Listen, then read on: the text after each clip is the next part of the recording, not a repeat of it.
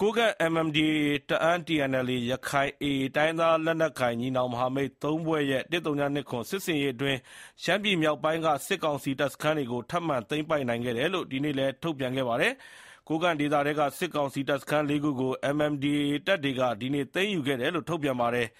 ရှီယွင်ကျီရွာအနီးရှိစစ်ကောင်စီဗျူဟာကုန်းရဲ့ တွဲဘက်စခန်းကို သိမ်းယူပြီး လားရှိုးတိုင်းစစ်ဌာနချုပ်ကို လက်နက်ကြီးတွေနဲ့ ပစ်ခတ်နေတယ်လို့ ကိုးကန့်သတင်းထုတ်ပြန်ရေးဌာနက ညနေပိုင်းမှာ ထုတ်ပြန်ထားပါတယ်။၁၀၂၇ စစ်ဆင်ရေးနဲ့အတူ ဟန်ချက်ညီ တိုက်ခိုက်နေတဲ့ ကရင်နီအမျိုးသားကာကွယ်ရေးတပ် KNDF နဲ့ မဟာမိတ်တပ်ဖွဲ့ဝင်များပါဝင်သော ပူးပေါင်းအဖွဲ့တွေကလည်း ကယားပြည်နယ် ဒေသအခေါ် ကရင်နီနယ်ထဲက လွိုင်ကော်မြို့တော် အနီးဝန်းကျင်ရှိစစ်ကောင်စီရဲ့စခန်းတွေကို တိုက်ခိုက်ခဲ့တယ်လို့လည်း TNLA ဘက်က သတင်းထုတ်ပြန်ပါတယ်။ညနေပိုင်းအထိတော့ လွိုင်ကော်၊ဒီမော့ဆို၊နန်းမယ်ခုံနဲ့ နမ့်စန်ခန်းတို့ဘက်မှာရှိတဲ့ စစ်ကောင်စီစခန်း ၇ ခုကို သိမ်းပိုက်နိုင်ခဲ့တယ်လို့ ထုတ်ပြန်ချက်မှာ ပြောထားပါတယ်။အခုလို ၁၀၂၇ စစ်ဆင်ရေးစတင်ပြီး သီတင်းပတ်၂ပတ်ကျော်ကြာမှာ စစ်တပ်စခန်းရာကျော်ကို လက်နက်ကိုင်အဖွဲ့တွေ သိမ်းယူနိုင်ခဲ့တာကိုကြည့်ရင် စစ်ကောင်စီဟာ မကြုံစဖူး အားနည်းလာခဲ့တယ်လို့ အကဲခတ်တွေကလည်း သုံးသပ်နေကြပါတယ်။ရှေ့ဆက်တိုက်ပွဲတွေ ဘယ်လိုဖြစ်လာနိုင်သလဲဆိုတာကို ကိုဝင်းမင်းက မေးမြန်းတင်ပြထားပါတယ်။ဒီရှမ်းမြောက်စစ်ဆင်ရေးထူးခြားမှုကို ကနေဒါနိုင်ငံ York တက္ကသိုလ်မှာ နိုင်ငံရေးအထူးပြုပါရဂူဘွဲ့ယူနေတဲ့ ကျောင်းသား ကိုထက်မင်းလွင်က“ဒီမှာ အခုပေါ်လာတာတော့ တောက်လျှောက် စစ်ကောင်စီဘက်အခြမ်းက စိတ်ဓာတ်လည်းလျော့ပါးလာတယ်။လူသူအင်အားလည်းလျော့ပါးလာတယ်။တောက်လျှောက်တော်လှန်ရေးကလည်းတရိပ်ရိပ်နဲ့ဒီတက်သလိုတက်လာတဲ့အခါမှာစစ်ကောင်စီဘက်ဘယ်လောက်အားနည်းနေသလဲဆိုတဲ့ဟာကိုလည်းမြင်သာလာတဲ့အတွက်ကြောင့်မို့လို့ဒီဘက်ကမဟာမိတ်ကပြန်ပြီးတော့ PDF မဟာမိတ်အသွင်နဲ့ပေါ်ပေါက်လာတဲ့ဟာကဒါအလွန်ထူးခြားတဲ့အချက်ဖြစ်တယ်။”ဒီအပေါ် CDM လေတပ်တပ်ကြပ်ကြီးဇေယျကလည်း“အရင်တုန်းကကိုးကန့်တို့ MNDAA တို့တဖွဲ့ချင်းတိုက်ခဲ့တဲ့စစ်ဆင်ရေးတွေနဲ့မတူတာက လက်ရှိမြန်မာပြည်မှာကစစ်အာဏာရှင်စစ်တပ်ကိုဆန့်ကျင်နေတဲ့တော်လှန်ရေးကာလဖြစ်နေတယ်။ပြီးတော့ပြည်သူလူထုအားလုံးကစစ်တပ်ကိုဆန့်ကျင်နေတာဖြစ်တဲ့အတွက်ညီနောင်သုံးဖွဲ့ရဲ့စစ်ဆင်ရေးကိုအကုန်လုံးကထောက်ခံတယ်ပေါ့နော်။ဒီအတွက်စိတ်ဓာတ်ခွန်အားအရရောအကုန်လုံးသတင်းအချက်အလက်ကအစအကုန်ပံ့ပိုးမှုတွေအများကြီးသူတို့ရတယ်။သူတို့ရဲ့တိုက်ရိုက်ခိုက်ရည်နဲ့စည်းစည်းလုံးလုံးနဲ့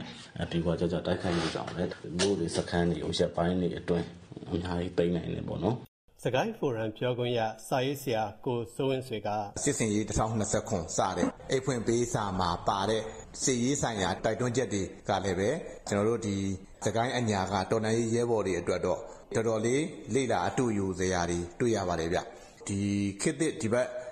မြန်မာ့သမိုင်းမှာတော့ တိုင်းရင်းသားလက်နက်ကိုင်တွေ တိုက်ပွဲဝင်တဲ့အထဲမှာ ဒီလောက်ကြီးမားတဲ့ အောင်မြင်မှု ဒီလောက်ကြီးမားတဲ့ အောင်ပွဲရလဒ် ရရှိတာကတော့ ရှေ့မှာတော့မကြုံဖူးဘူးလို့တောင်ပြောလို့ရမယ်။”ဒီစစ်ဆင်ရေးရဲ့စစ်ကောင်စီအပေါ်သက်ရောက်နိုင်မှုကိုလည်းကိုထက်မင်းလွင်က“အစဉ်အလာမှာလည်းပြောရိုးရှိပါတယ်။ပြည်သူ့စိတ်ကိုပြည်သူ့နှလုံးကိုမသိမ်းကျုံးနိုင်လို့ရှိရင် ဓားနဲ့ထိုးရင်ဓားကျိုးမယ်၊လှံနဲ့ထိုးရင်လှံခွေမယ်ဆိုတာ။အဲ့တော့လူထုထောက်ခံမှုကတနေ့ထက်တနေ့ကျဆင်းလာတယ်။လူထုကလုံးဝကိုမဆုတ်မနစ်တဲ့စိတ်နဲ့ပြန်လည်ခုခံမယ်၊တွန်းလှန်မယ်လို့ဆိုပြီးတဲ့အခါကျတော့ဖြစ်တဲ့အချိန်မှာ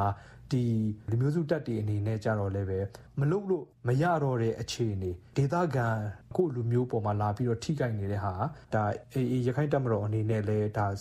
ဖော်ဆောင်လာနိုင်တယ်ဆိုတာ။ရခိုင်လူထုက သူတို့စိတ်ဆန္ဒကဘယ်လောက်ရှိမလဲဒီလိုမျိုးဖြစ်လာမယ်ဆိုလို့ရှိရင်ဒီဟာကိုလည်း AA ကထည့်ကိုထည့်တွက်ရမယ့်အခြေအနေမျိုးဆိုတဲ့အခါကျတော့ AA ကရခိုင်ဘက်မှာစစ်ပွဲဖော်နိုင်မလားသုံးသပ်ရမယ်လို့ကျနော်ထင်ပါတယ်။အဲ့တော့ဒီနစကအနေနဲ့ကတော့အခုတောက်လျှောက်ကိုပဲပေါ့နော်အာဏာသိမ်းပြီးကတည်းကလူထုအပေါ်မှာစစ်ပွဲဟာအခုဒါပိုပြီးတော့စစ်မျက်နှာကျယ်လာပြီးတဲ့အခါကျတော့ ဆုတ်လည်းဆု၊စားလည်းယူဆိုတဲ့အခြေအနေမျိုးဖြစ်နေတယ်ပေါ့နော်။ဒီမှာစိတ်ဝင်စားဖို့ကောင်းတာကတော့ရှမ်းပြည်ထဲမှာရှိနေတဲ့ရှမ်းတပ်တွေဘာလို့မပါသေးလဲဆိုတဲ့မေးခွန်းကပိုပြီးတော့စိတ်ဝင်စားဖို့ကောင်းတယ်လို့ကျနော်ထင်ပါတယ်။”ဒီသက်ရောက်မှုအပေါ်တပ်ကြပ်ကြီးဇေယျကလည်း“ဒီစစ်ဆင်ရေးကြောင့်သက်ရောက်မှုကတော့တော်တော်ကြီးကိုကြီးမားတယ်ပေါ့နော်။တပ်တွင်းမှာဆိုလည်းတော်တော်ကိုဖရိုဖရဲနဲ့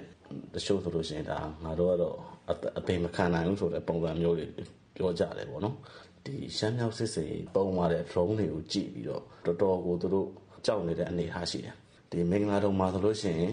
Drone နဲ့ အကြဲခံရမှာစိုးလို့ ဘန်ကာတွေတူးနေပြီအခု။ကတုတ်ကျင်းတွေ တူးနေပြီ။ကောင်းတဲ့လေယာဉ်တွေ အများစုကို နေပြည်တော်နဲ့ ရှမ်းထဲ မိထ္ထီလာကိုပို့ထားတယ်ပေါ့နော်။”ကိုစိုးဝင်းဆွေကပါရှေ့ဆက်ဖြစ်လာနိုင်တာကိုအခုလိုဆိုပါတယ်။“ကျနော်တို့ဒီစစ်ကိုင်းအညာမှာကောလင်းမြို့မြို့သိမ်းတိုက်ပွဲဆင်နွှဲတဲ့နေရာမှာလည်းသုံးလေးရက်ပေါ့ဗျာဒီမြို့ကိုဝိုင်းပတ်ပြီးတော့ပိတ်ဆို့တိုက်ခိုက်နေတဲ့အချိန်မှာဘာမှသူတို့ပြင်ဆင်နိုင်တာမရှိဘူး။အနီးစပ်ဆုံးပင်လယ်ဘူးတို့ပါတို့ဝင်းတို့တို့စုံမြို့တွေကနေလေဒီမြို့ကျသွားတဲ့အချိန်မှာလာပြီးစစ်ကူမပေးနိုင်ဘူးဗျာဒါတနိုင်ငံလုံးသူတို့တက်ဖြန့်ပြီးတော့လုံနေရတဲ့အခြေအနေမှာတုံ့ပြန်နိုင်စွမ်းနေ ကြာဆင်းသွားပြီဆိုတာကိုတော့တွေ့ရတယ်ဒီစစ်စင်ရေးသုံးသက်ချက်ပေါ်စစ်ကောင်စီပြောခွင့်ရကိုမေးမြန်းခဲ့ပေမဲ့ဆက်သွယ်လို့မရခဲ့ပါဘူးခင်ဗျာ